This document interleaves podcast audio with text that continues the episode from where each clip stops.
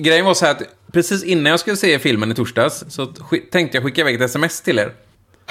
Eh, men jag skickade inte det för det var ju midnatt liksom. Jag såg ju filmen 007 där.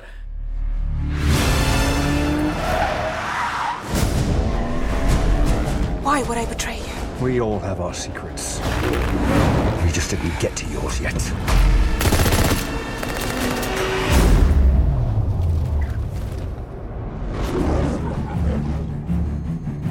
The world is arming faster than we can respond. Where's 007? I need a favor, brother. You're the only one I trust for this. The world's moved on, Commander Bond. You were 00? Two years. So stay in your lane. You get in my way, I will put a bullet in your knee.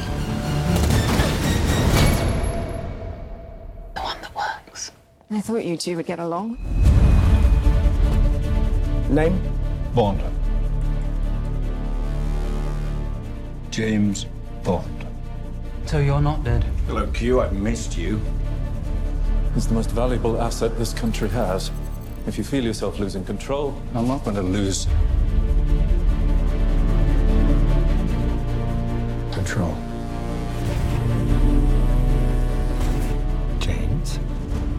Gave up everything for her. When her secret finds its way out, it'll be the death of you.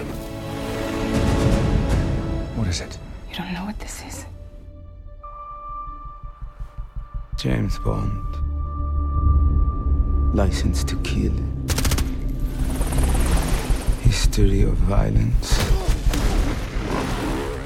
Could be speaking to my own reflection. Only your skills die with your body. Mine will survive long after I'm gone.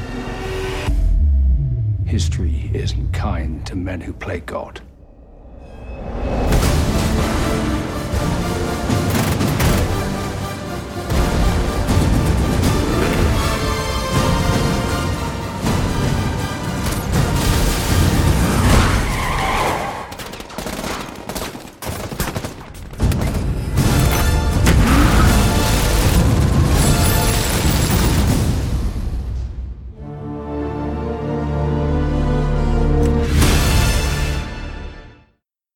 Välkomna till Shiny-podden och ett extra insatt avsnitt i eh, säsong 8, Bond-podden.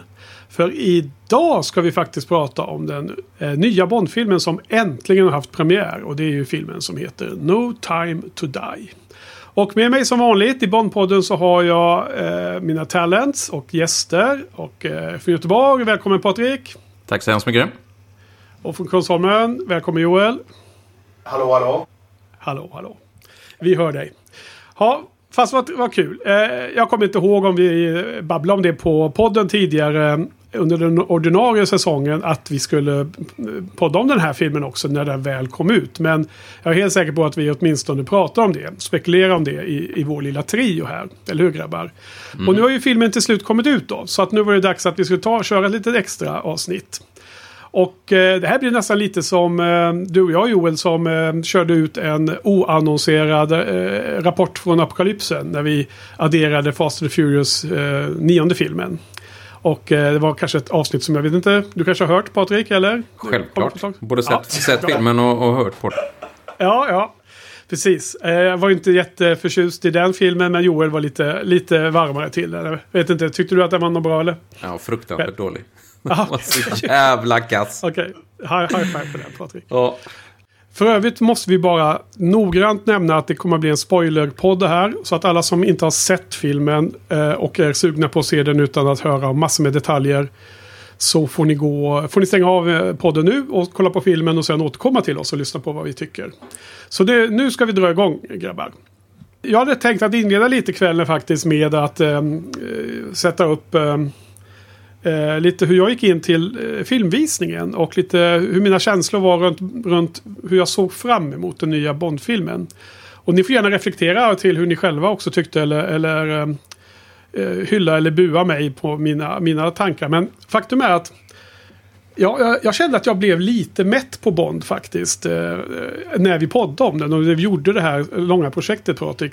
Det blev liksom som att det blev som ett bokslut mer för mig än en, eh, en, en, en nyuppväckning då. Liksom. Eller, det var lite både och, men när vi, när vi var klara med den långa säsongen till slut så kände jag lite så att ja, men nu är jag ganska mätt på Bond. Kände jag personligen då. då. Mm, Och eh, därför att Bond är ju verkligen en sån filmserie som är så himla mycket med nostalgikänslor och så mycket med ungdomens favoritfilmer att det liksom får ju en, en slags magisk plats i huvudet på en.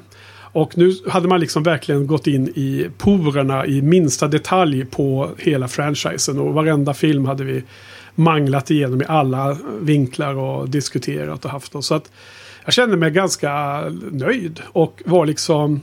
När, när den här filmen No time to die. Den, den femte filmen med Daniel Craig som Bond.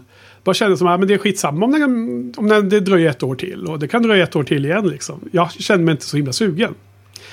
Och eh, jag vet inte hur ni eh, hade för inställning när ni gick in och såg filmen. Om ni var superpepp eller om ni bara var lite som jag, lite loj. Vi kan ju ta en runda kring bordet här innan jag kommer vidare med min intro. Ja, jag... Eh, jag ser ju alltid fram emot Bond. Jag blir aldrig mätt på det. Men med tanke Nej. på min, min åsikt om förra filmen, Spectre, som jag Ja. anser... Ansåg och anser fortfarande var den sämsta Bond-filmen någonsin. Så hade, var det väl ändå ganska låga förväntningar och jag märkte när jag kollade på de betygen han hade gett eh, i, i våran avslutningspodd där. Så Craigs eh, Bondfilmer blev ju bara sämre och sämre och längre och längre ner på min lista. Så att min tanke var så här, kanske kan, kommer den här bli den sämsta, eller kanske blir den ännu sämre. Så jag hade väldigt låga förväntningar, men samtidigt, det är en Bondfilm. Eh, Sugen är jag alltid. Ja, det är härligt att höra för att då håller du flaggan i topp där. Och eh, du då Joel, vad- hur, hur var din inställning? Vi, vi såg ju den tillsammans för övrigt du och jag också. Vi var och såg den på i, i, i lördag. Nej, men eh, jag, jag kan väl helt ärligt säga att ha- hade det inte varit för att vi nu hade kört eh, podd... Eh, jag, var, jag var ju med på, vad blir det, de sista... Hälften. To- ja, vad är det? 12-15 eller något. Ja. Hade det inte varit för det och eh, det här att, att vi liksom har, har ett läge alltså där, där vi vill liksom göra en podd om den. Då hade jag nog inte gått och sett den på premiären. För att jag var som Patrik, jag var väldigt bränd utav Spectre. Eh, och kände mig väl liksom inte ännu mer tänd på det faktum att filmen har legat i liksom en kylbox eller i en, i en frys i ett och ett halvt år eller vad det nu är. Mm. Heller. För att det, av någon jävla anledning så tycker jag ofta att man känner att filmer liksom inte är fräscha fastän de aldrig har visats. Så är det som att de har legat klara länge och ska visas. Det brukar på något sätt brukar man ofta kunna känna av lite i filmen. Ehm, så att jag, jag hade väldigt låga förväntningar. Jag hade ställt ner dem väldigt mycket.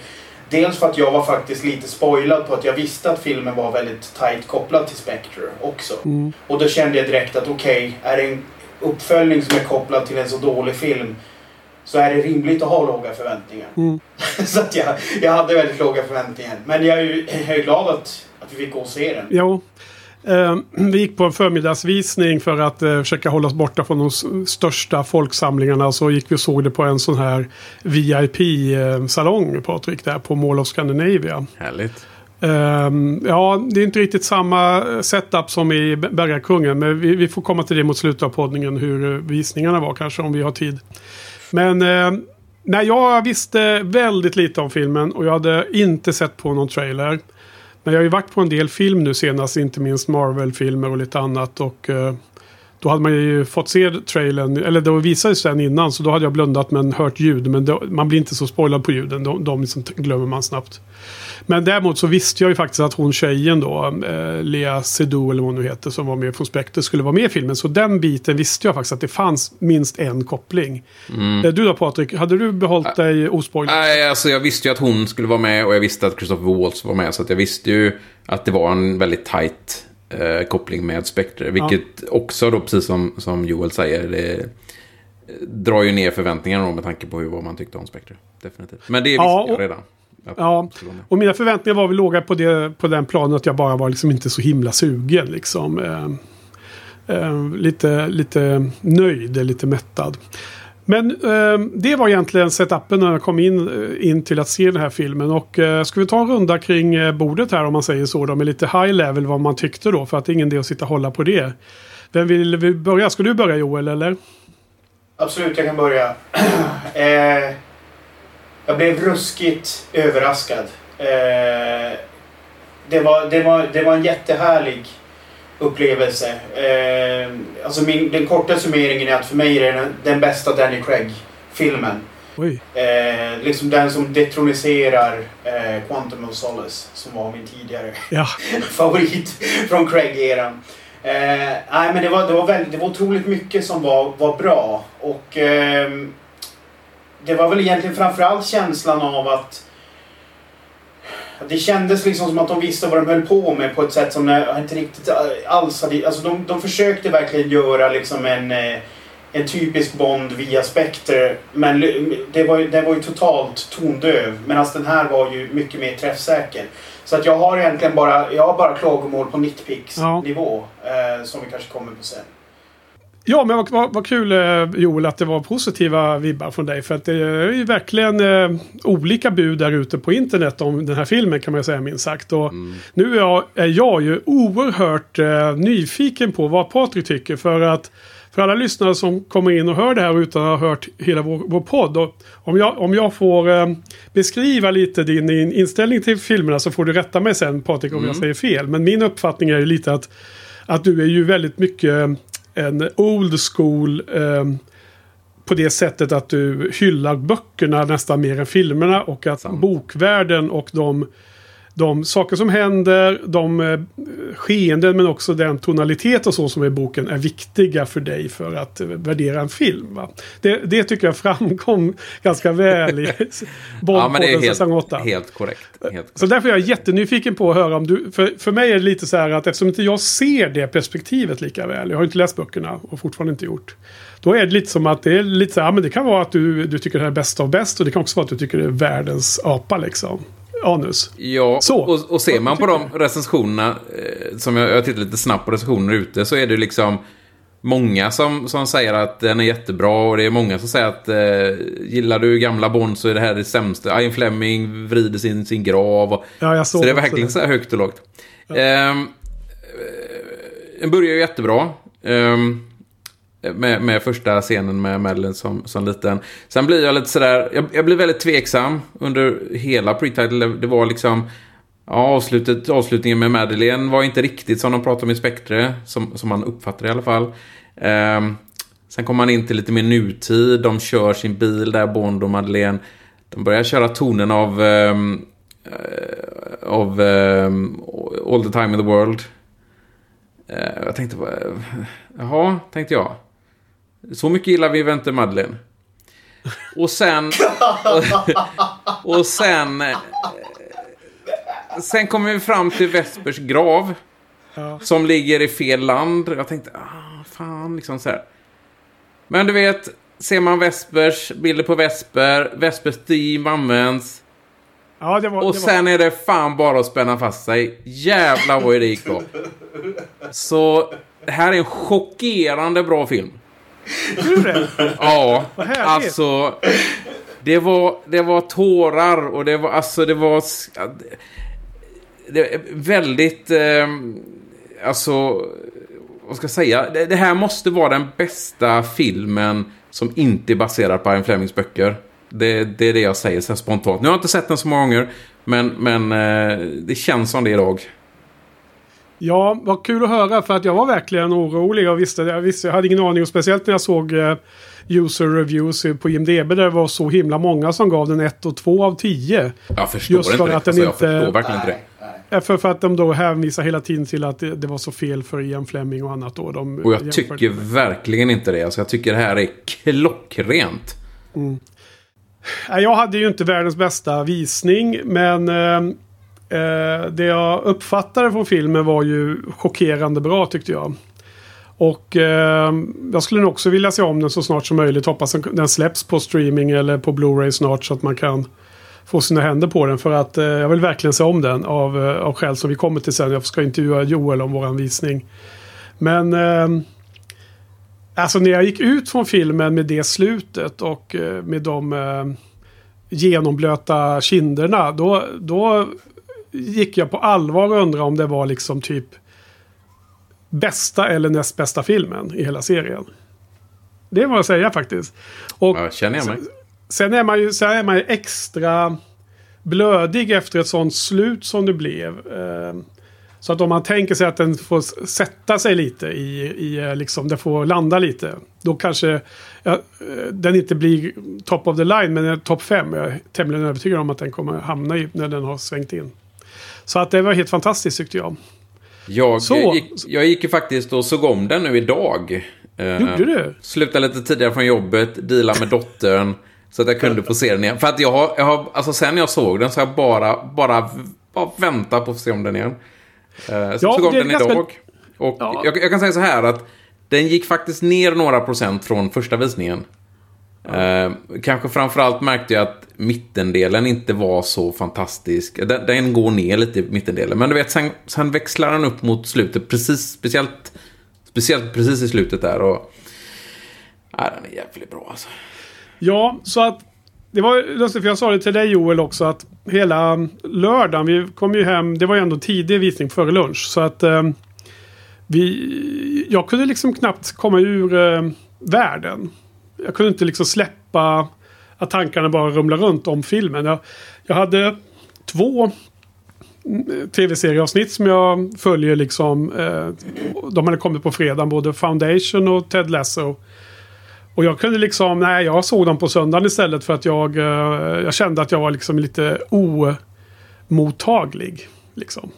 Så för, för eh, nya intryck, liksom kastas in i en ny värld.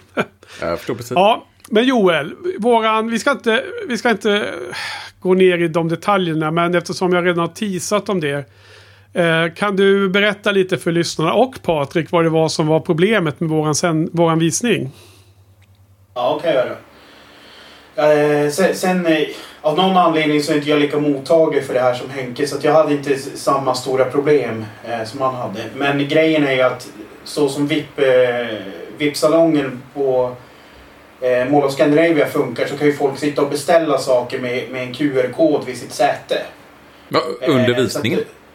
Ja, under visningen. Va? Så att man kommer, det kommer, kommer alltså in en servitris med mat och drinkar och grejer i en stridström så fort folk beställer via, via den där QR-koden. Då. Så att det var, det var framförallt första halvan av filmen så var det väldigt mycket. Sen var det lite mer på, på slutet. Trillade in en eller två också. Som ville ha sen dry martini till slutet kanske.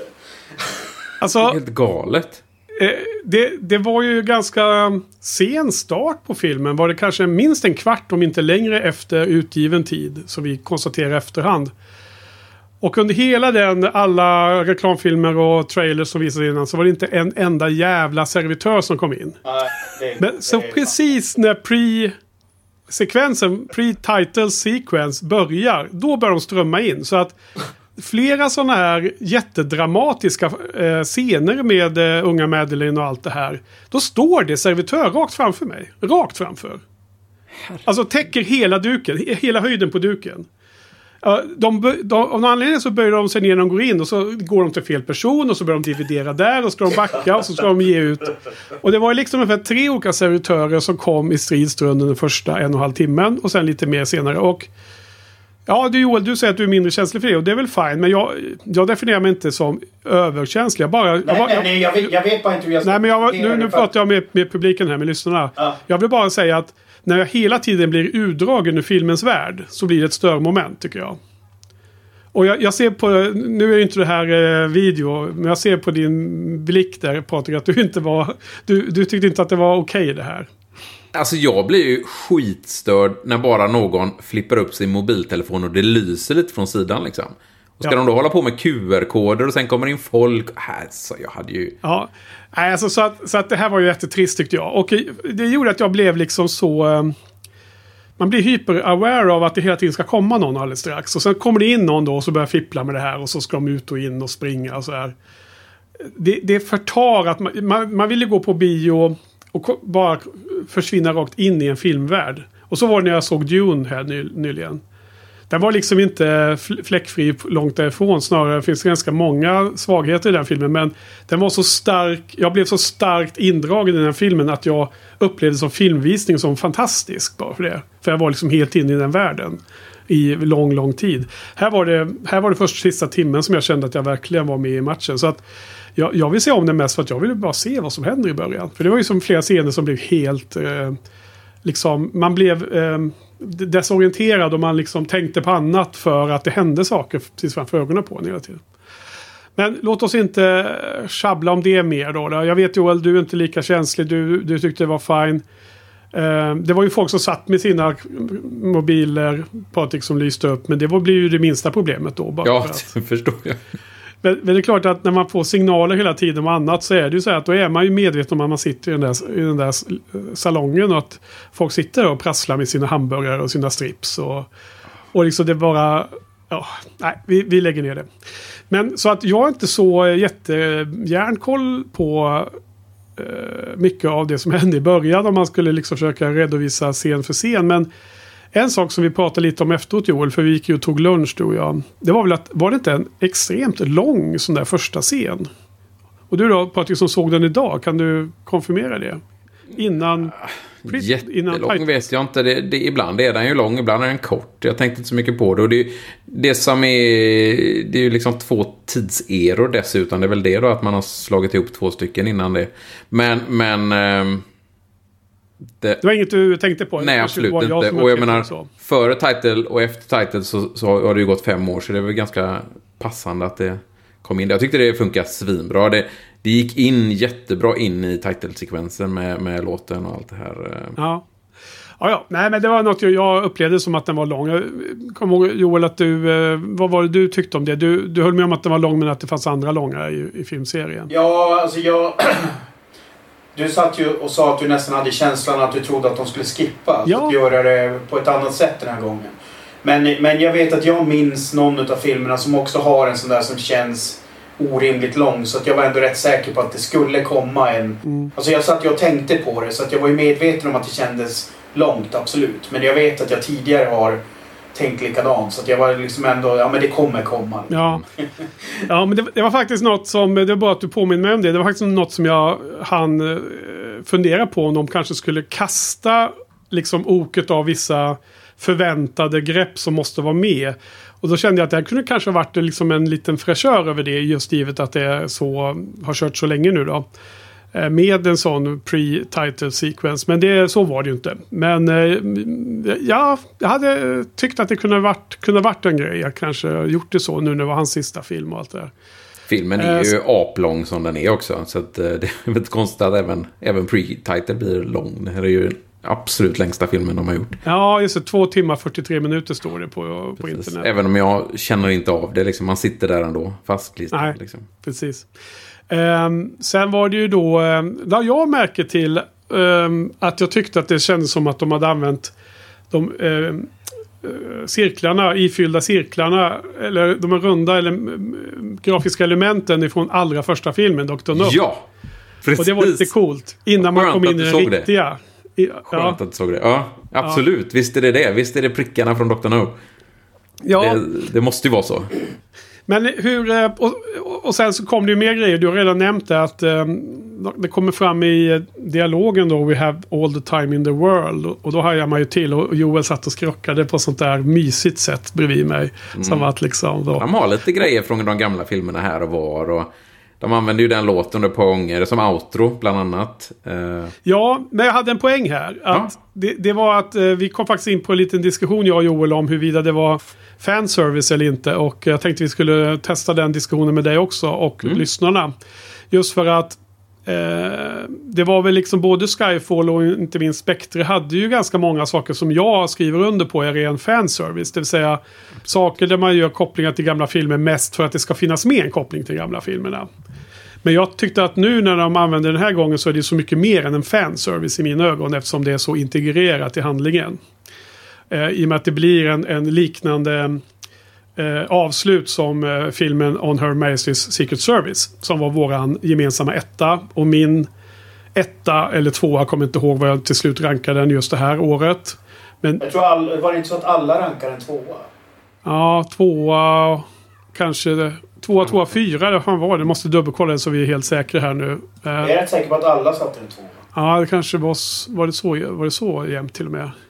Just det, så var det. Jättebra Joel. Alla satte den som tvåa. Och jag har tidigare haft den som etta, men just den här gången blev det mm, From Russia With Love för min del. Och, och du hade ju din eh, fa- favvis där. Pam Bo- Bouvier-filmen och du, Patrik har väl Casino Royale gissar jag. Ja. Ja, men vilket fall som helst. Eh, jag, jag, jag tycker att det blir så mycket mer än en fanservice därför att, jo, att eh, de har tagit och gjort en historia som påminner väldigt mycket. Och därmed så tycker jag det är mer relevant att göra den blinkningen än att det bara är en blinkning till en gammal Bondfilm. Det är liksom en, en, en, eh, en svag, en tunn eh, eh, fanservice är liksom, ger ingen adderad value i filmen. Utan det är bara en blinkning. Men här var det ju... Alltså jag, redan när jag hörde det där så började jag tänka liksom direkt så här, vad... Nu ska hon dö här liksom. Eh, eh och lite som du också sa, så här, jaha, eh, gillar vi henne så mycket nu? Men med eftertanke så har han spenderat mycket mer tid med henne än med Vesper. Så det är väl fine då. Han, han gillar tydligen vissa tjejer väldigt mycket efter kort tid. Eller hur Patrik? Um ja, jag vet inte vad jag ska svara på, men om, om man pratar om, om eh, Lea här och, och Madeleine så... eh, som sagt, jag tyckte inte om men De gjorde henne inte bra i Spectre. De gör henne fantastiskt bra i den här filmen. Ja. Eh, redan på pre-titan, sen, sen växer det ju bara hela tiden. Ja. Men om Okej, vi ja, nej, pratar nej, fanservice vi- så vi- har jag lite där också. För vi kom in på det, liksom, vem har han liksom haft mest tid med och så. Men det är ju Bond, i Bondvärlden. Men nu, nu blandar, blandar du in hur man uppfattar karaktären också som åskådare ju. Eller? Ja, fast jag tror inte att de var så jävla mycket ihop ändå liksom. Jag menar, det, jag, jag tror att tiden mellan Spectre och, och No Time To Die, i alla fall när de åker omkring i Italien, det var nog inte jättelång tid. Nej, men jag, jag tänker att han har liksom eh, slutat vara agent för hennes skull. Han har, han har blivit pensionär och de har lever ett liv. Mm. Jo, som han vilket han med tänkte Vesper. göra med Vesper. Han skrev ju sin avsked. Jo, han tänkte göra det, men jag menar om man nu jämför så kanske han inte... Det är väldigt mycket likheter chansen. mellan de två. Ja. Eh, Men, men jag kan- hålla med dig om att eh, jag tyck, vad jag tyckte om, om att ha med just den då är ju att i början där när jag var tveksam när de slängde in eh, Ja. den låten, då blev jag tveksam för då kändes det mer som fanservice. När de sen Ja. återvände till den senare så klaffade ju svinbra. Just det, ja precis. Eh, Sen hade de ju fanservice. De hade lite smågrejer som fanservice. Men den bästa fanservicen jag, som fanns i hela filmen, jag, blev ju, jag fick ju tårar när jag såg det. Det var ju att de hade äntligen med Dödens trädgård. Alltså det är ju någonting som de har försökt antagligen få med sen 60-talet liksom. Ifrån någon bok där ja. Ja, från, från man lever bara med två man lever bara två gånger. De kunde inte få in den i den filmen. Och, och man har liksom bara väntat på det. Och de får in det här. Det är nedskalad version i och för sig. Men bara, bara grejen att de får med det var... Jag blev tårögd. Ja, det var där den här main villan hade sin eh, hemska Sin fabrik där ja. Mm, Någon japansk ö på gränsen till Ryssland var det va? precis. Ja, men Joel tror jag var ganska nöjd när det dök upp en bil under en, ett skynke. Mm. Jag, jag var tvungen att luta mig över till Joel och bryta liksom en big no-no när man går på bio. Att hålla på och prata med grannen, men eh, alltså med en kompis som sitter som granne. Men här- kände jag jag måste fråga honom om vi kände igen den bilen. Och det gjorde vi sa du Joel. Det är klart. Vilken var det då? Det är från eh, Living Daylights. Ja. Ja, Men, ja. men jag, alltså jag, jag har, det här är en av mina nitpicks. Alltså att absolut, jag förstår varför. Det är liksom det safea choicet att ta den andra Aston Martin-bilen. Personligen så hade jag älskat om det hade varit den vita Lotusen från Spy Who Loved Me. Älskar en Bara ja, bara för att det hade varit så jävla kitschig att åka omkring med den där 80-talsbilen som är så jävla ögonfallande. Och man hade kunnat liksom gjort en grej av att liksom Daniel Craig liksom skakar på huvudet när han drar av skynket. Ja. Liksom. Och att det är den där jävla knasbollsbilen liksom. Där jag hade köpt det rakt av liksom. Mm. Men nu jag, har de väl anta- antagligen lite för mycket liksom dealar med Aston Martin för att det ska vara... kan vara så. jag var väldigt nöjd när jag såg eh, volanten där under. Eh, fel färg, rätt eh, reggplåt tror jag. Eh, jag var väldigt, väldigt nöjd. Eh, jag var förvånad ska jag säga att, att de just valde den Ja, men av du, trodde, du alla. att det skulle, trodde du att det skulle vara en ny silverbil annars eller? Jag tänkte, alltså det gick ju ändå ganska snabbt så jag tänkte inte så mycket på Nej. vilken bil det skulle Att det skulle vara en bil man kände igen, absolut. Eh, ja, jag tänkte att det kanske var DB5 igen eller något. Ja, jag vet inte, men jag blev väldigt nöjd när jag såg den. Ja, nej, alltså jag, jag är glad att de gick vidare från den silvriga bilen. Alltså så att man fick släppa den någon jävla gång liksom. Ja. Ja, inte minst eftersom det blev uppsprängd i Skyfall. Väldigt, väldigt Ja. Ja, eh, nej men för Joel, du, du skrockade ett av dina mest belåtna skrock då. Så jag var tvungen att luta mig över och fråga vilken bil det var. nej men vad härligt då. Alltså i slutet där när eh, ja, men Bond dör här då. Alltså det är ju helt otroligt slut alltså. Ja. Egentligen. Ja. Och givet att det är den här filmserien också. Där de har bytt skådespelare hur många gånger som helst. Och de har liksom aldrig... Han har aldrig mm, varit i fara. Så att eh, när, när bitarna föll på plats så blev ju också den här så kallade eventuella fanservicen som jag då hävdar är bara en jättebra manusdetalj. Att ha med den här We have all the time in the world i början av filmen eftersom det precis som i Hennes Majestäts Hemliga Tjänst att de inte har det då. Just det, den själva, poängen då accentueras där i slutet. Eh, sen tycker jag det är ganska snyggt sätt som eh, manusförfattaren har ändå kommit på att knyta det här stora hotet till något väldigt dagsaktuellt då med ett virus som ska sändas runt på jorden. Och, fast i det här fallet är det små nanorobotar, DNA-preppade. Och att man ska kunna bära sig på hotet utan att någon ser att man är sjuk eller att man har det. Precis som pandemin liksom. Precis som virus är och hur, hur det blir ännu mer förstärkt här med att det kan alltså föras från människa till människa i många, många led. Ingen blir sjuk förrän till slut liksom. Bond har tagit in någon person i Sydamerika och till slut är Madeleine i, i, eh, i Ryssland och, och blir dödad liksom av, av det. För att det har spritt sig från hud till hud liksom. Så att eh, jag tycker slutet var helt maj- majestätiskt. Ja, det var perfekt avslutning eh, på hans Bond-era. Det är från första, första uppdraget till sista. Nej, helt, helt perfekt. Ja. Vad heter det du har Joel? Vad gillade du slutet? Eh, ja, absolut. Det, det går ju inte att komma ifrån att jag satt ju också där och grät. Eh, för, för, för fulla muggar. Eh, nu är jag ju känd för att göra det så det är väl inte någon... Eh, alltså jag gör ju det väldigt lätt. Men... Eh, alltså jag vet inte. Jag är inte så himla involverad i Bond längre. Så att för mig är det så här, jag vill bara liksom ha en bra filmupplevelse. Och det här var liksom en bra filmupplevelse som står på egna ben. Så att jag har inte så jäkla mycket tankar kring vad som ska komma härnäst och sådär. Som jag känner att ni kanske var inne på Ja, båda två ja. lite grann. Inte i stunden. Inte när, här, inte när det handlar om Daniel Craigs Bond. Då, då hade jag inga sådana tankar. Jag tyckte att det, det var väldigt starkt. eh, Både som egen film. Men jag tror att det är ännu starkare för att man har en, en, en relation till Bond som karaktär som är lång. Men det har ju du också Joel. Det kan du, inte komma, du kan ju inte komma ifrån det. Nej, nej, nej absolut. Men det jag menar är att jag... Eh, jag...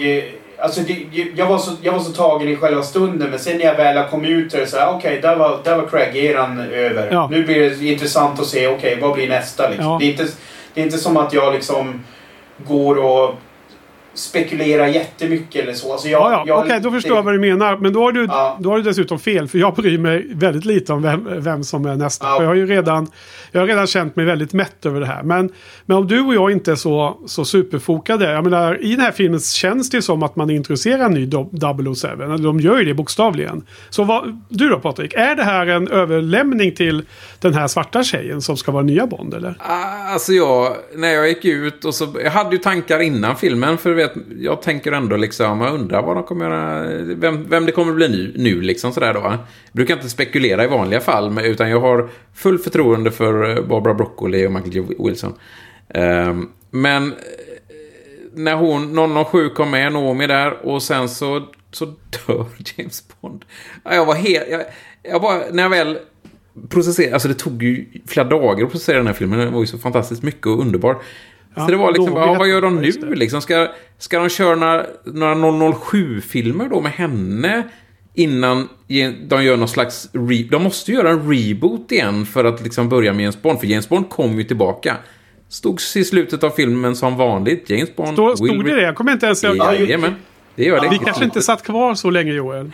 Nej, och- stod det någon titel, stod det någon titel också? Nej, det gör ju inte det längre. Nej. Nej. Det stod bara James Bond will return. Så att då måste de ju reboota. Och så, så, så jag hoppas verkligen att de har en plan. För Men stod det oro- James eh, Va- Bond? va- Eller vad stod det? Vad sa du? Stod det, dub- Nej. stod det 007 will Det stod return? James, Stod det egentligen? James Bond will return, som vanligt. Så, så som sagt, de, de skulle kunna köra några filmer nu med henne, som 007. Och sen vänta eh, några filmer då till det. Så jag, jag är helt... Jag, vad jag är orolig är dock för att de gör en dålig sak av detta och gör någon slags dålig reboot-aktigt. Så det blir ungefär som Highlander 2, att Highlander 2 är så dålig så den gör Highlander 1 sämre liksom. Trots att den är Ja, svinbra. exakt. Så jag, det är det jag är orolig för. Men här Det- och nu det är kan den mycket väl hända. Men jag har ingen aning vad som kommer hända i framtiden. Eh, under filmens gång då, för det var ju en, en bra payoff på det där med att eh, när M då fick veta att det var fara färdig med Heracles eller vad det nu hette så sa han var, var det 007? Och då tänkte Mm. jag ja, det kommer Daniel Craig och räddar. Och sen så är det, det finns en annan 007 så det var ju ganska kul. Det var ju, jag blir helt eh, blown away av, det skämtet. Och- jag och det är ju helt rätt. Jag blev helt lurad av det skämtet menar Ja, jag. och det, och det är ju helt rätt, för de återanvänder ju numren. Liksom. Det, är ju, Ja. det är ju etablerat. Så det Ja, det- är ju det okej. klockrent liksom. Ja, men, men sen så när jag då såg att det var den här kvinnliga och sen så kände jag hon var inte så här super eh, karismatisk eller rolig eller intressant tyckte jag. Hon var inte liksom, hon, hon var inte så tung så jag bara kände som att jag vill se mycket mer av henne nu. Det, en, det fanns en annan kvinnlig karaktär som man ville se bra mycket mer av. Verkligen. Men, men jag ska bara säga att, så jag satt tänkte lite så här att tänk om de är så himla coola att de till och med gör det här som ett, ett lur mot oss. Så att vi tror att det här är en överlämning till en ny kvinnlig Bond. Men att hon dör i slutet av filmen. Och sen så lämnas man med det här gapet att man inte vet vem det blir.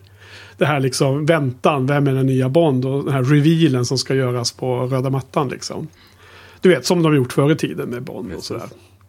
Så att då hade jag tänkt att det var, hade varit en ganska kul grej att gjort eh, lite så här, en, en kul eh, lite blåsning på publiken. Men så var det ju inte. Det hände det ju inte. Utan det var det ju eh, Bond själv som skulle dö. Eh, så att jag, jag har inga... Alltså, min åsikt är väl väldigt old, school. Jag tycker att Bond-filmer ska handla om James Bond. Alltså den karaktären. Inte en kvinnlig Bond. Det får man väl kalla mig otidsenlig då. Men, men eh, det, det är som jag känner. Kan Men Bond är ju Bond. Däremot skulle man kunna tänka sig att de har lite parallella eh, filmer i samma universum med M och Q och Miss Moneypenny och den här Nomi då, kvinnliga 007. 007. Ja, att de, att de kör liksom ja, eh, univers, ja, 007-universum liksom. Någonting. Ja, men så, det kan man ju tänka sig. Det är ju en, ny tanke som, som du sätter i huvudet på en här. Men jag menar, det har, har väl diskuterats om att nästa James Bond ska bli en kvinna. alltid diskussion om allt möjligt. Att det ska vara en kvinna, att det ska vara en annan färg, hudfärg, att han ska vara homosexuell. Och det, vi, vi får la se vad som händer. Precis, så att eh, eh, jag menar, och det har ju hänt i popkultur, den popkulturella världen ganska nyligen också. Med, eh, jag tänker speciellt på en not notabel brittisk eh, tv-serie. Som du tittar på, Patrik. Ja, precis, precis. Dr. Who. Mm. Nej, men jag, jag känner att James Bond ska vara en man. I fall, där, där går min gräns känner jag. Men, men det namnet så, så borde det vara man, ja. Ja. Jo, men... Vill du uttala Joel eller duckar du denna Nej men, det, nej men alltså jag, jag har ju sett någon sån här variant för typ 10 år sedan. Att okej, ja men byter vi kön då blir det ju typ Jamie Bond. Liksom. Ja. Alltså, nej, jag, jag vet inte. Det beror på hur, hur de eh, väljer att lägga upp det. Jag tycker det är ju ändå väldigt tydligt med att de, de ju planterar någon slags idé här som de åtminstone vill testa och se hur det tas emot. Precis, precis. Eh, sen, sen jag tycker att hon funkar absolut som, som skådespelerska i den här filmen. Sen kan jag tycka att hon kanske inte har karisma för att bära en rulle helt själv. Nej, nu så tänker jag med. eh, kan, kan jag i och för sig ha känt så en del med Daniel Craig också emellanåt. Eh, men, eh, men det var ändå någonting som jag reagerade på att jag kände okej, man kunde nog ha kastat lite bättre liksom. Ja, nej, jag, jag har ju varit ganska nöjd med att Daniel Craig har tagit serien ifrån det här lite mer humoristiska. Till att vara lite mer på allvar. Eh, Det, det tyckte jag, det känns som att de hade gått lite i, i cirklar runt det. Att det skulle vara det här skojfriska Roger Moore-arvet. De har ju tagit varannan skådis de senaste fyra, Ja. eller vad det är. Men, men då är det kanske... Jag kände lite som att hennes bidrag här i filmen, Nomi som hon hette som du påminner mig om. Eh, hon skulle säga sådana här coola one-liners igen. Det kändes som att hon kom från en annan typ av film. Ganska ofta. Eh, Mm. Känner ni Hon var igen ju inte det? det bästa Nej, fast, fast det tycker jag även Craig hade en del. Alltså jag, jag måste säga, jag måste också ge cred till, till att faktiskt humorn kändes hyfsat balanserad här. Mm. Eh, Visst gjorde den. För att det, det, det var lite mer åt det lättsamma hållet. Utan att det blev liksom Roger Morit eller Pierce Brosnit. Eh, Ja. Utan att det var liksom på rätt nivå. Eh, ungefär som eh, när jag beskrev det hur de, hur de lyckades få till det i License to Kill. När de hade karaktärer som, som, som fyllde in för vad Bond brukar säga. Att det var liksom andra som säger det. Här var det lite samma smakfulla känsla. Att det kändes som att det var rätt balanserat faktiskt. Ja, det, det, det är så lustigt att... Jag, jag håller med, det fanns en del roliga saker. och Jag, men jag, jag tyckte på något sätt att Daniel Craig, när han var, var med i den här gnabbet mot uh, den kvinnliga 007 så blev, var han, spelade han den som en straight guy medan hon skulle vara den coola. Och det var det jag kände att det funkar inte riktigt att vara den där coola one-liners. Han var liksom den... Uh, den, den, den uh, väggen som hon skulle studs, hennes skämt skulle studsa emot liksom när han svarade eller kontrade. Men, men jag, jag tycker att det är intressant att det finns lite sån humor i alla fall. För att det är ju liksom noterbart att tid, före den här filmen, den mest sorgliga Bondfilmen som finns när det gäller riktiga känslor som jag upplever när jag ser dem i dramatiska slag. Det är ju Hennes Majestäts Hemliga Tjänst. Som vars första halva är ju helt eh, fantastiskt rolig av och till. Och fånig humor. Man skulle säkert kunna hacka sönder den extremt lätt om man bara väljer att se Sir, eh, vad kallar han sig nu igen, eh, när han är uppe på Hillary- sin kilt, Hill, Hillary, Bray. sin kilt och, och de, alla de här tjejerna. Han är kommit till någon slags harem och alla de här skämten där runt att han springer runt mellan sovrummen och de skriver nummer på hans lår med läppstift och såna grejer. Så att Ja, humor i den filmen är ju väldigt festlig och den är väldigt fånig på, på många sätt. Men sen så switchar den mot slutet, det är precis den sista kvarten och så blir den otroligt dramatisk och sorglig. Och, och här känner jag att det blir inte alls lika fånig eh, i humor men den, den har en, en annan, ett annat ansikte i en, i en del av den här filmen. Den är mer modern version. Den är liksom mycket action. Det är eh, kanske för mycket action till och med kan man kanske säga. Inte minst i mitten där då som du är inne på Patrik. Och, ehm, men sen switchar den också till en helt otrolig drama i slutet. Alltså, det dra dramatiska innehållet är ju det man tar med sig. Alltså.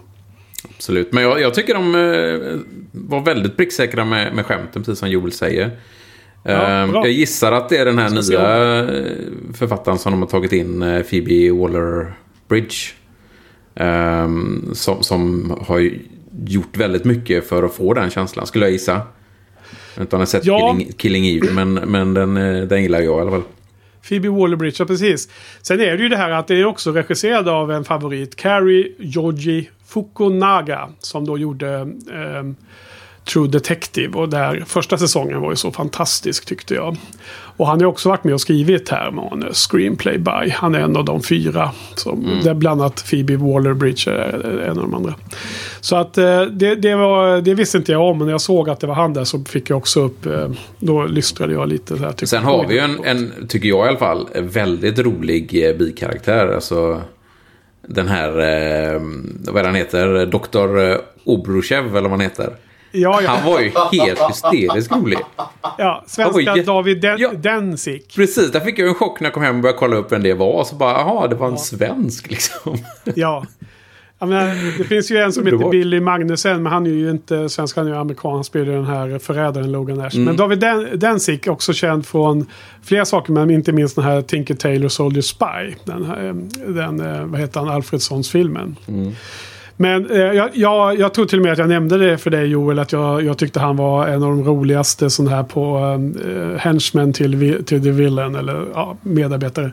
Men den roligaste sidokaraktären och kanske den roligaste i hela filmen och mest intressant och roligaste sekvensen i form av inte humor utan intressant och eh, medryckande och eh, eh skapande av eh, känsla av att man vill se mer. Det var ju med Paloma, Anna de Armas. Hon var fantastisk. Vilken sensation alltså. Helt otroligt bra. Det var så himla roligt med hur hon... Eh, hon, bara, hon bara stenblåste Bond där i början med att hon var ny, eller? Jag, menar, Jag, vet- jag vet inte, alltså... För för just det här med att hon, hon... eh, Ja, det var något med Paris och hatt fattar liksom. Hon bara, va? va? Ja, ja, kod. Ja, just det. Ja, jag glömmer av det. Alltså, Ja. så hon kände Och sen- sig fortfarande väldigt ny. Ja, men, hon, hon skakar när hon dricker sin drink där och sveper den. Och, och Daniel Craig bara tittar på den så här. Och, så jag tror att det är kanske då till och med han frågar om hon har jobbat länge. Hon säger att hon har tagit den här treveckorskursen. Men sen är hon ju så jäkla badass så att menar, hon måste ju bara ha spelat ett spel. Men alltså den skådespelaren är ju alltid kul att se. Hon är ju jätterolig och bra i, i allt jag har sett henne i. Ja, jag, jag har ju sett henne förut men aldrig lagt märke till henne på det här sättet. För här var hon verkligen. Hon stod ut. Alltså, jag tycker ju att, jag tycker överlag i den här filmen att skådespelarinsatserna och även de dialoger och så som de har att jobba med är riktigt, riktigt bra. Eh, Ja. Craig har nog aldrig varit bättre skådespelarmässigt och, och även då Lea Seydoux, hon, hon höjer sig otroligt från förra filmen och så här. Eh, men hon, eh, Anna de Arm- Armas, hon, hon stjäl definitivt eh, hela den sekvensen. Hon är fantastisk. Mm, och sen hade vi en spaning Joel när vi satt och åt lunch här. Vi, vi, vi, tyvärr så kunde vi inte undvika att bränna lite content där. Jag var tvungen att förbehandla lite Patrik. Så vi gjorde det utan dig. Sorry. men, men alltså vi har ju en annan scen som jag tyckte var otroligt gripande. Det var ändå när Lighter dog. I, eh, I vattnet där. Alla var det en dö. scen som funkar för dig? Var det, blir du berörd? Ja, absolut. Lighter. Jag Vänner av den här podden vet ju att jag älskar Lighter. Eh, och jag tyckte, jag tyckte det funkade väldigt bra liksom. Eh, speciellt då att det var ah, Craigs sista film och man kan tänka sig att det säkert var hans eh, Jeffrey Wrights sista film som Lighter. Så jag, jag tyckte det funkade jättebra. Och sen så, så Mm. blev det tio gånger värre mot slutet av filmen. Där, men, Ja, det blev nej, jag, det. jag tyckte det blev, det blev jättebra slut även för honom. Liksom. Ja, och jag, jag tyckte hela den scenen var stark som fan. Jag blev överraskad att han blev skjuten och sen blir det sprängt. Och så förväntar man sig hela tiden att Bond ska lösa allting. Mm. På samma sätt som man förväntar sig att han ska lösa slutscen, slutsekvensen. Den eh, sista eh, grejen på 45 minuter eller whatever det nu tog på den där ön där i slutet liksom. Jo, Joel, vad tyckte du om Leiter och hans eh, frånfälle här? Nej, jag, jag önskar att jag kände som mer där. Men det, det var en av de här nitpick-grejerna som jag hade var att jag var inte särskilt engagerad där. Eh, tyvärr. Och då, då, återigen om man jämför med hur, hur man kände när eh, Mattis dog i Quantum exempelvis. René. Så var jag... Va? René. Ja, precis. Så blev jag otroligt mycket mer berörd den gången. Så jag vet inte om det är något att jag inte connectar med skådespelaren eller vad det är. Liksom. Ja, det, det var Men då du vet- satt och beställde mat va? Eller hur var det? Precis. Vill få in min eh, medium rare steak där. Men eh, nej, men också sen, jag vet inte om det, om det kan också ha någonting... eh, Jag kände att när vi pratade om det direkt efteråt så kände jag också att jag kanske är lite eh, bränd av liksom hur eh, är med i License to Kill på det brutala sättet där. Vilket gör att det här för mig blir lite... Men det är ju... Nu blir jag fanservice. Nu fick, han, nu fick han in den filmen igen, eh, Henrik. Ja, var det jag- jag- tredje jag- gången nu eller ska vi hålla rättning? Ja, nej men alltså att jag liksom bär med mig den brutaliteten där som på något sätt mycket starkare. Liksom. Så att, eh, jag vet inte. Nej, jag, jag kände inte supermycket. Nej. Men jag gillar liknelsen du gjorde med att om man känner att den scenen är tänkt att vara stark så blir ju slutet är, liksom en mycket ännu mer. Ja. Så man, då tror man att okej, det där var det jobbiga. Liksom. Ja, exakt. Det var det. Ja, precis, det var det kommentaren var. Att man kände lite så här som att nu har de... Nu har de fått oss att förstå att okej, nu gick de all, all the way här med Lighter dog. Liksom. En av eh, de återkommande karaktärerna har faktiskt dött i en Bond-film. Det är liksom, åh, det här har jag aldrig sett förut. Och sen så kommer de med en ännu värre sen. Det är ju liksom som... Eh, karaktären X dör i mitten av filmen X, Patrik, och sen dör karaktär Y i slutet. Då blir det så mycket mer överraskande liksom. Precis. Eller hur? Precis. För man, man liksom tror att när X har dött, då, är liksom, då har det hänt det här. Då har de gjort den där grejen som var liksom lite oförväntat. Men om man nu skulle tänka sig att den når med den nya James Bond, liksom då, då skulle ju den här eh, Paloma kunna vara den nya Lighter då, var våran konklusion jag och Joel när vi käkade lunch. Ja, fast de verkar ju inte spela bra ihop eh, i den scenen, men... eh, Hon hade ju bara tagit över hela filmen. hade ju blivit jättedåligt. Ja, ja Paloma ja. Ja, Ja, den, precis. självklara, den självklara spinoffen för mig är ju Paloma. Ja, alltså, jag tog inte upp det då, men, men det var ju långt gångna tider, eh, eller planer att göra Jinx som en spin-off-film. Ja. Då när vi, nu när vi pratar om Noomi då, om om hon skulle vara en parallell. Och, Halle, Berry. Halle Berry, ja precis. Eh, Men jag hade ju hellre nog sett Paloma, Paloma-filmerna Ja, än, eh, än... Jag måste säga att hon är liksom, hon skulle direkt gå upp på topp eh, 3-5 av bästa kvinnliga karaktärer i en Bondfilm då, som vi förr i tiden kallade för Bondbrudar. Men här är det ju medhjälparen. Ja, det har vissa sådana. Vi har ju pratat om det tidigare. Vi hade ju de här... Alltså medhjälpare så hade hon ju lätt gått in på en topp 5. Det, det Ja. är jag ganska säker på. Ja, precis. Ja, och eh, Main Villain då. då det, du, eh, jag hade ju ingen aning om att den där trädgården hade någon signifikans. Men jag tyckte att det ändå var ganska häftig Villains Lair generellt sett. Den var ju stor nog och det ska vara så här gammalt och det var så här missilsilos och sånt. Så det var härligt. Det var ganska bra. Men berätta mer. Vad tyckte du Patrik om den här eh, Villains Lair och eh, den här storskurken då? Vad, vi, vad har vi på honom? Ja, alltså skurken då. Eh, jag tyckte han var... Han var lite blek, måste jag säga. Han var ingen superfavorit. Han var inte dålig, var han absolut inte. Finns han i bö- böckerna? Nej, Nej. absolut inte. Eh, nej, jag tyckte han var lite, lite blek. Nej, jag, helt jag, var helt inte Helt okej. jag, var inte, jag var inte såld på honom. Det var, jag kände inte så himla mycket för honom. Vi, vi pratade inte alls om det här på lunchen, Joel. Vi, vi bara sket i att prata om honom.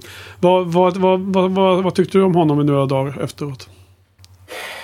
Nej, men det, det är ju någonting. Jag vet inte om det har med att man är vuxen när man ser de här filmerna. Men för, jämfört med de tidigare Bond-filmerna där man inte har en koppling till skådespelarna som spelar skurkar. Men för mig blir det bara så här. Okej, där är han som eh, fick den här rollen för att han spelade Freddie Mercury i Queen-filmen. Ja. Det blir lite så jag sitter och tänker Mm. hela tiden. Och det blir lite, lite svårt.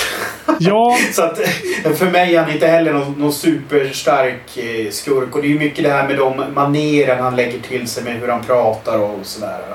ja, och jag förstår precis hur du menar. För att det är lite samma känsla man hade när när eh, Christoph Waltz skulle vara Blofeld för att han hade liksom slagit igenom via de här eh, Tarantino-filmerna han var med i och sånt där liksom. Inglo- Inglourious Basterds och eh, den andra.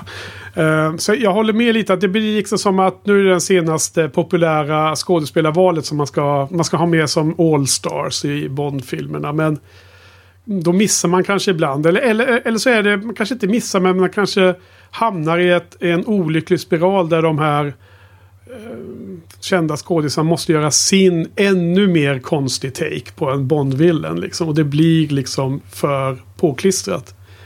Jag spekulerar ju nu lite att det kanske är sånt här som händer. Jag vet inte vad, vad, vad tycker ni? Ja, Ja, det, jag håller ju med. Jag tycker ju, Sky, Skyfall har ju samma problem. ja. Det är också en lik... Ja, Bra, skå, bra skådis. Eh? Som bara blir platt. Eh, Danny Craig har ju inte haft bra eh, storskurkar mot sig, så är det bara. Nej. Nej. Ja, det är lite synd för att eh, sådana här stora filmer så är det ju, alla behövs ju. För det ska bli mm, magiskt. Jag har en bra övergång här. Ja, Och det är väl att den senaste bra storskurken jag kan komma på spontant är nog Sean Bean i Goldeneye. Och då vill jag säga en sak som jag tycker var väldigt bra med den här filmen. Och det är att när vi pratar om Goldeneye så pratar vi om hur kul det var att se Bond samarbeta med en annan dubbelnolla. Och det tycker jag är, även om jag inte är jättesåld på Noomi, så är det väldigt kul att se honom jobba tillsammans och i viss fall mo- emot en annan dubbelnolla. Och sen även att de har liksom parallella uppdrag. Hon åker iväg och ska jaga den här Ash och sen så ska Bond eh, träffa Madeleine och så, och så möts de igen då. Jag gillar det. Jag gillar att de, de samarbetar nu med dubbelnolla.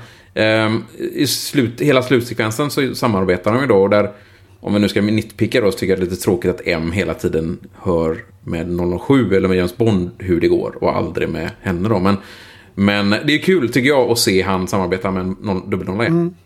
Ja men det håller jag med om. Det, det är absolut eh, positivt adderas. Det var extra roligt när eh, Dan- Daniel Craig, eh, Bond var uppe hos eh, Madeleine och så visade sig att det var i Norge. Och sen så får han höra att, en, att eh, Nomi kommer och att då förstår han att Ash är i närheten och allt det där. Även om jag bara satt och tänkte, vad fan är det, nu har de bara totalt rippat off eh, Black Widow det här med att gömma sig i Norge och sådär. Liksom. Det var, känns som att, jag har ju precis sett den här scenen, var, var kom det ifrån? Så då satt man och fick fundera på det. Vilken annan film var det som det var en, ute på landsbygden i Norge? Du vet Black Widow Patrik, det du. Ja, ja, frå- frågan är bara vilken film som spelades in först. precis. Det här spelades in förra decenniet. Ja, exakt. Ja, precis. Den har ju flyttats några gånger. eh, Den, eh, Ja. så. Nej men alltså jag, jag håller med dig. Vi, vi har ju suttit tidigare också och kritiserat att det är mycket en one man show och där det är väldigt lite team... Eh, genuint team, eh, teamplay. Och det tycker jag de får till, får till i hela den här filmen. För att be- även eh, Moneypenny och eh, Q är ju väldigt bra med här. Alltså det, det här är nog första gången som jag verkligen tar till mig Q genuint. Alltså den här Q. Ja. Samma här. Eh, på riktigt faktiskt. Ja, jag tycker den var fantastisk. Däremot Miss Manben, Penny tycker jag inte gjorde något större den här. Hon Men, såg, men Q såg, fick man hon till såg sig. åldrad ut. Ja, visst gjorde hon. det? Jag vet inte vad eh, konstigt. Uh, jag, men jag, jag tyckte det eh, teamworket var jättebra Joel. Jag håller helt med. Jag, jag tyckte kul. Jag har gillat honom tidigare. Eventuellt mer än er då. Men jag tyckte att det var jättekul med han i privatvärlden där. Och hans middag. Och alla så himla roliga scener där. Och, och det var ju också en annan Daniel Craig-film. Det var väl Skyfall när det faktiskt M och Q och, och Moneypenny och de samarbetade. Och Tanner och de här. Så det var, fanns ju lite sådana. Och jag har för mig att vi gillade de scenerna. Även om de var Ja, väldigt korta då. När de höll på att springa omkring där och härjar. Det är skönt också, det är skönt också att Q lär sig av sina misstag. För att som, som jag anmärkte på i Skyfall så, så stoppar man inte in en okänd dator i ett, ett nätverk. Nej. Och här gör han ju faktiskt inte, här liksom, ja det här är USB-sticket liksom. Han frågar var, vart den här stickan varit, överallt. Precis. Vilket den kanske hade varit. Um... Och, och, men sen är det ju lika fånigt som i Skyfall att den här grafiska visualiseringen ja. av en dator ska bli som en liten boll. Och så. Det, det är väl taget från Star Wars för övrigt där med det här minnet som saknas. Eh, den här kartbiten ja, precis, som saknas. Nästan identiskt ut där ja. ja det men det är väl för... Kart, det var samma kartbit men använde samma liksom 3D grafik. Var billigare så. Jag bara köper över den. Ja, den, den, den sekvensen gillar jag väldigt mycket faktiskt. Mm. Och, eh, fan, sen var det ju fantastiskt bra eh, avskedsskål där tyckte ja, jag. Ja, verkligen. Det var så passande. Och, mm. Eh, liksom, och sen bara, nu är det tillbaka och jobba igen.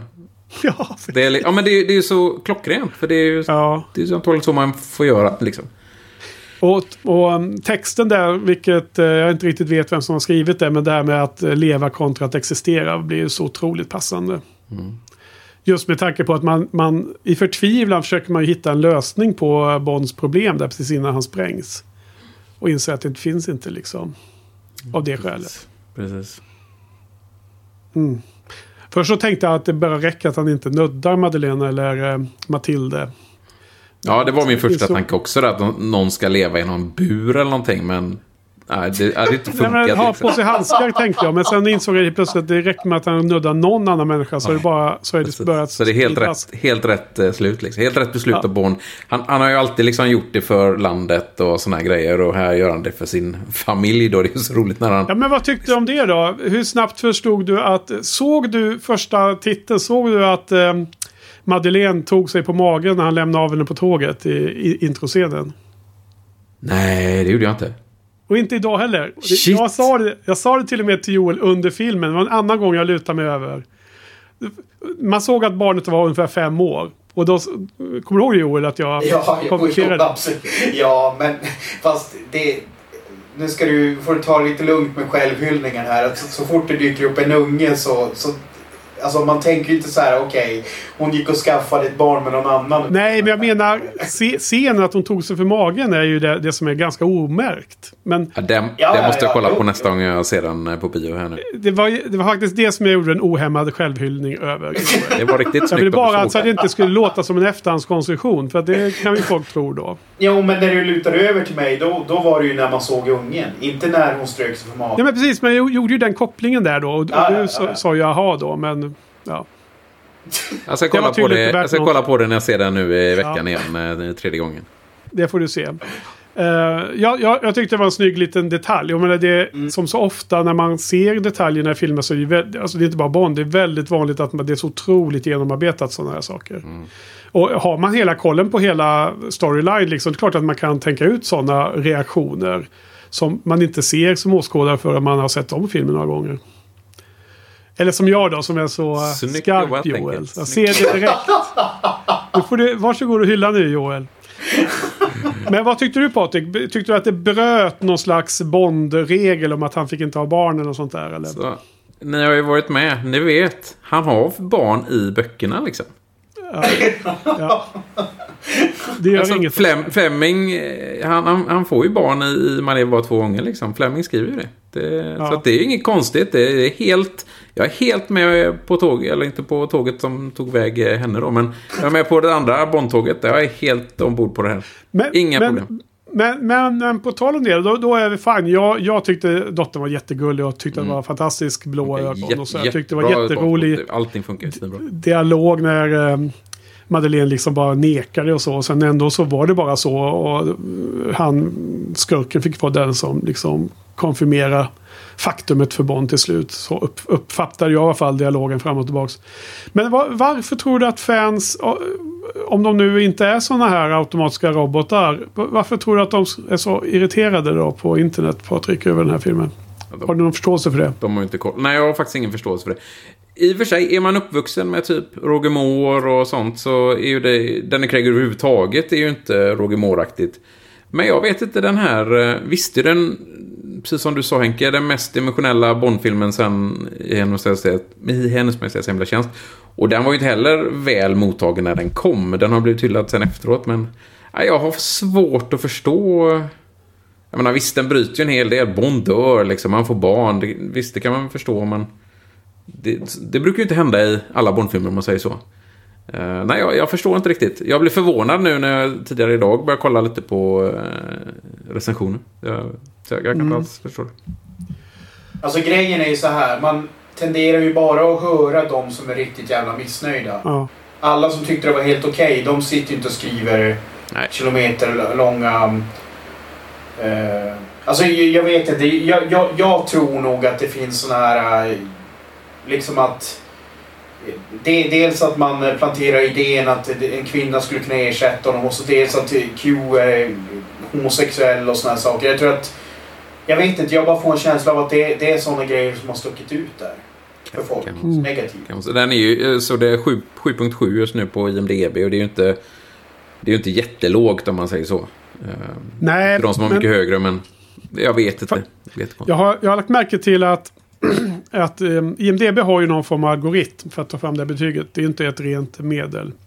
Och eh, man märker ju att väldigt stora filmer oftast får superhöga första betyg och sen så mm, kommer de ner lite med tiden. Ja, det är ju Så att- precis. Men det är väl för att eh, de som vill se filmen och älskar de här filmerna ser den första veckorna liksom. Och då kommer Ja. de betygen in. Så, så tänker jag i alla fall att det är. Eh, Ja, och så är det säkert en, en viss, eh, alltså en stor del. Men jag tror också att det är någon form av den, den, den algoritm de använder sig av. Jag har, jag har läst någonstans om att det är en algor- algoritm som inte ska vara känd. Liksom. Mm. Men då så tror jag att, eh, att den, jag hade förväntat mig att den skulle vara över 8. Men 7,7 är väldigt högt om man tittar på lång sikt. Så att Mm. det är ju liksom en... en f- väl, får den över 7 så, då, så är det oftast ett tecken på att den är en hyfsat bra film. Liksom. Så att jag... Eh, det är lite både och. Alltså, det skulle kunna varit ännu högre bara för att den är väldigt ny. Men den är hög för att vara ett slutgiltigt betyg. Sen får vi se vad den, hur den rör sig med då.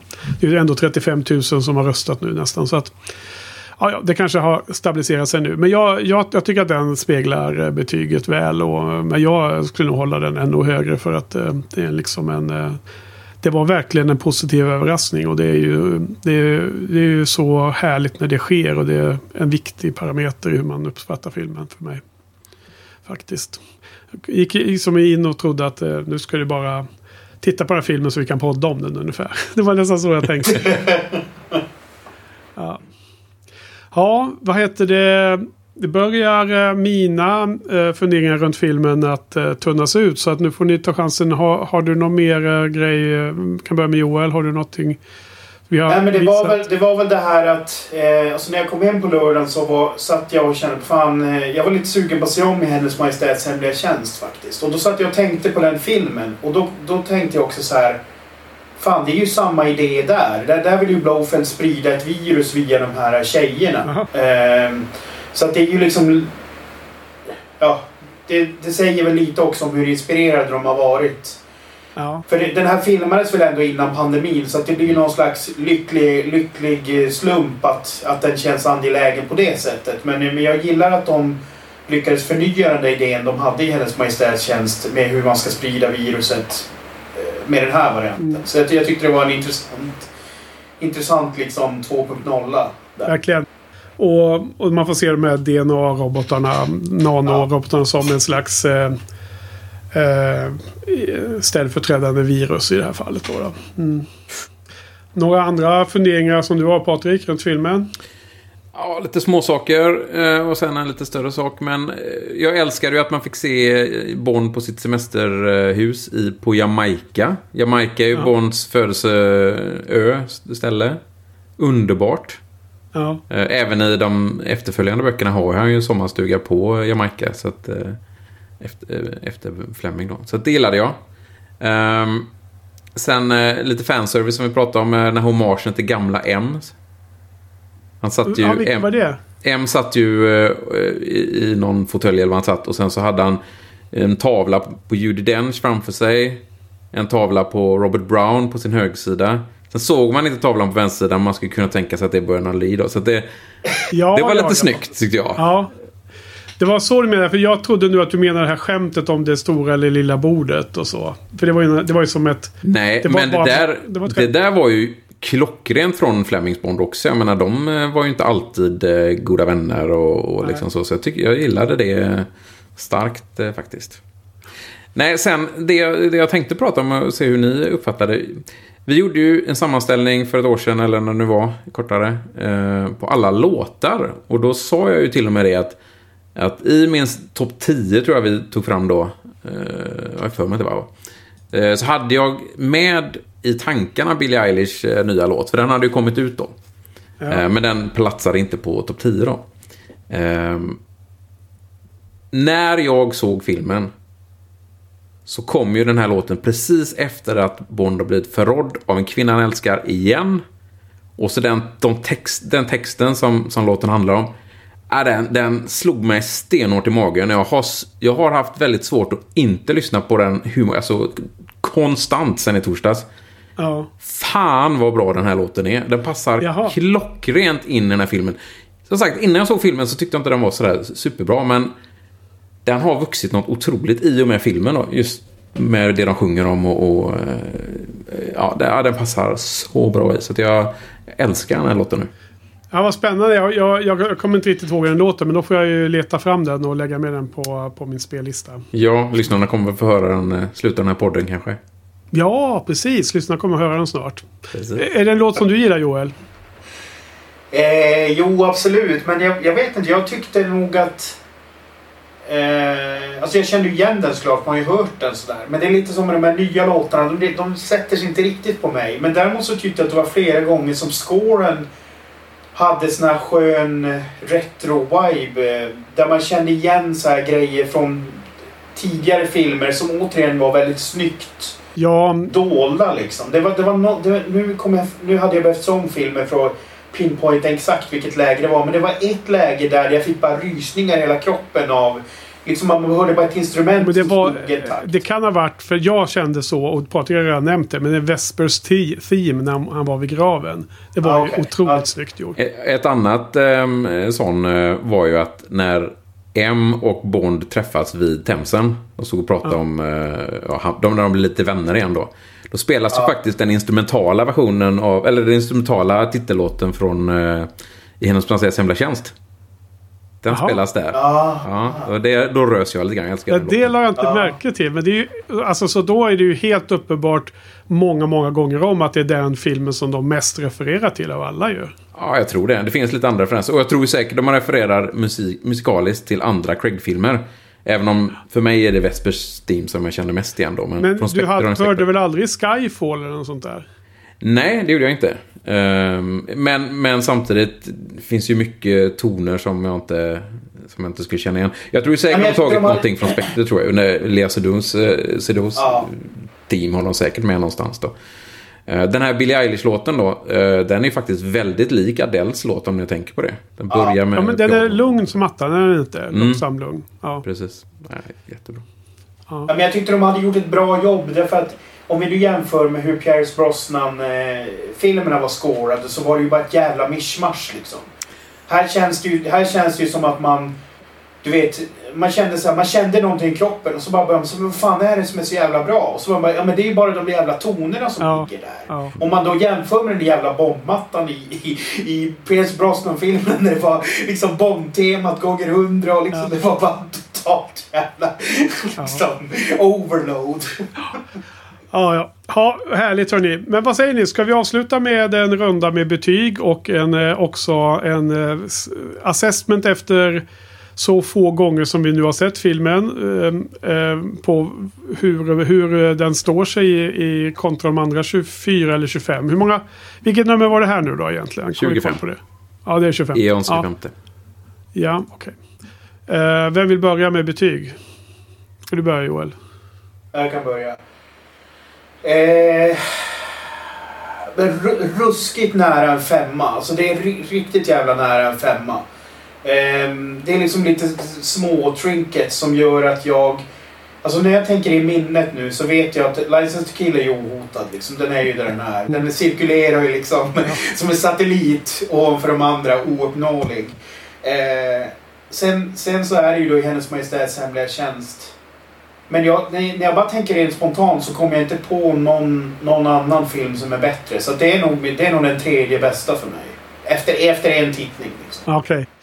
Men då kan jag hoppa in direkt eh, och inte avsluta för jag säger eh, precis samma som du. Eh, efter en tittning som dessutom blev lite förstörd av eh, omständigheterna så är den en jättestark fyra och jag är tämligen säker på att det här är topp tre för mig. Och de andra två på topp tre är ju eh, Hennes Majestäts Hemliga Tjänst som vi har nämnt så många gånger och Ser rött. Alltså Mm. From Russia With Love. Nej, vad heter den? Jo, Jo. From Russia With Love, just det. Sorry, nu blandade jag nästan ihop det. Okej, så det, är- det är stark fyra för mig. Eh, Efter bara en tittning. Och hur många gånger ska du se den innan du kan ge ditt betyg, Patrik? jag kan ge mitt betyg eh, med en gång, men jag kommer ju se den ett par gånger till på bio. Eh, Jag har ju bara Ja. sett den två gånger än så länge. Um, alltså det är ju lätt topp 10. Antagligen topp 5. Uh, betyg, en självklar femma. Ja, ja. Jag, jag, jag, jag, jag skulle vilja eh, addera till mitt uttalande och säga att jag tänker att när jag ser om den får vi se om den går ner några procent eller om den går upp eller om den liksom blir komplett då. Liksom, om jag kan vara helt inne i filmen en hel film igenom och verkligen vara helt immersed i den här filmen. Då, då kan jag mycket väl se mig kunna sätta en femma på den också Patrik.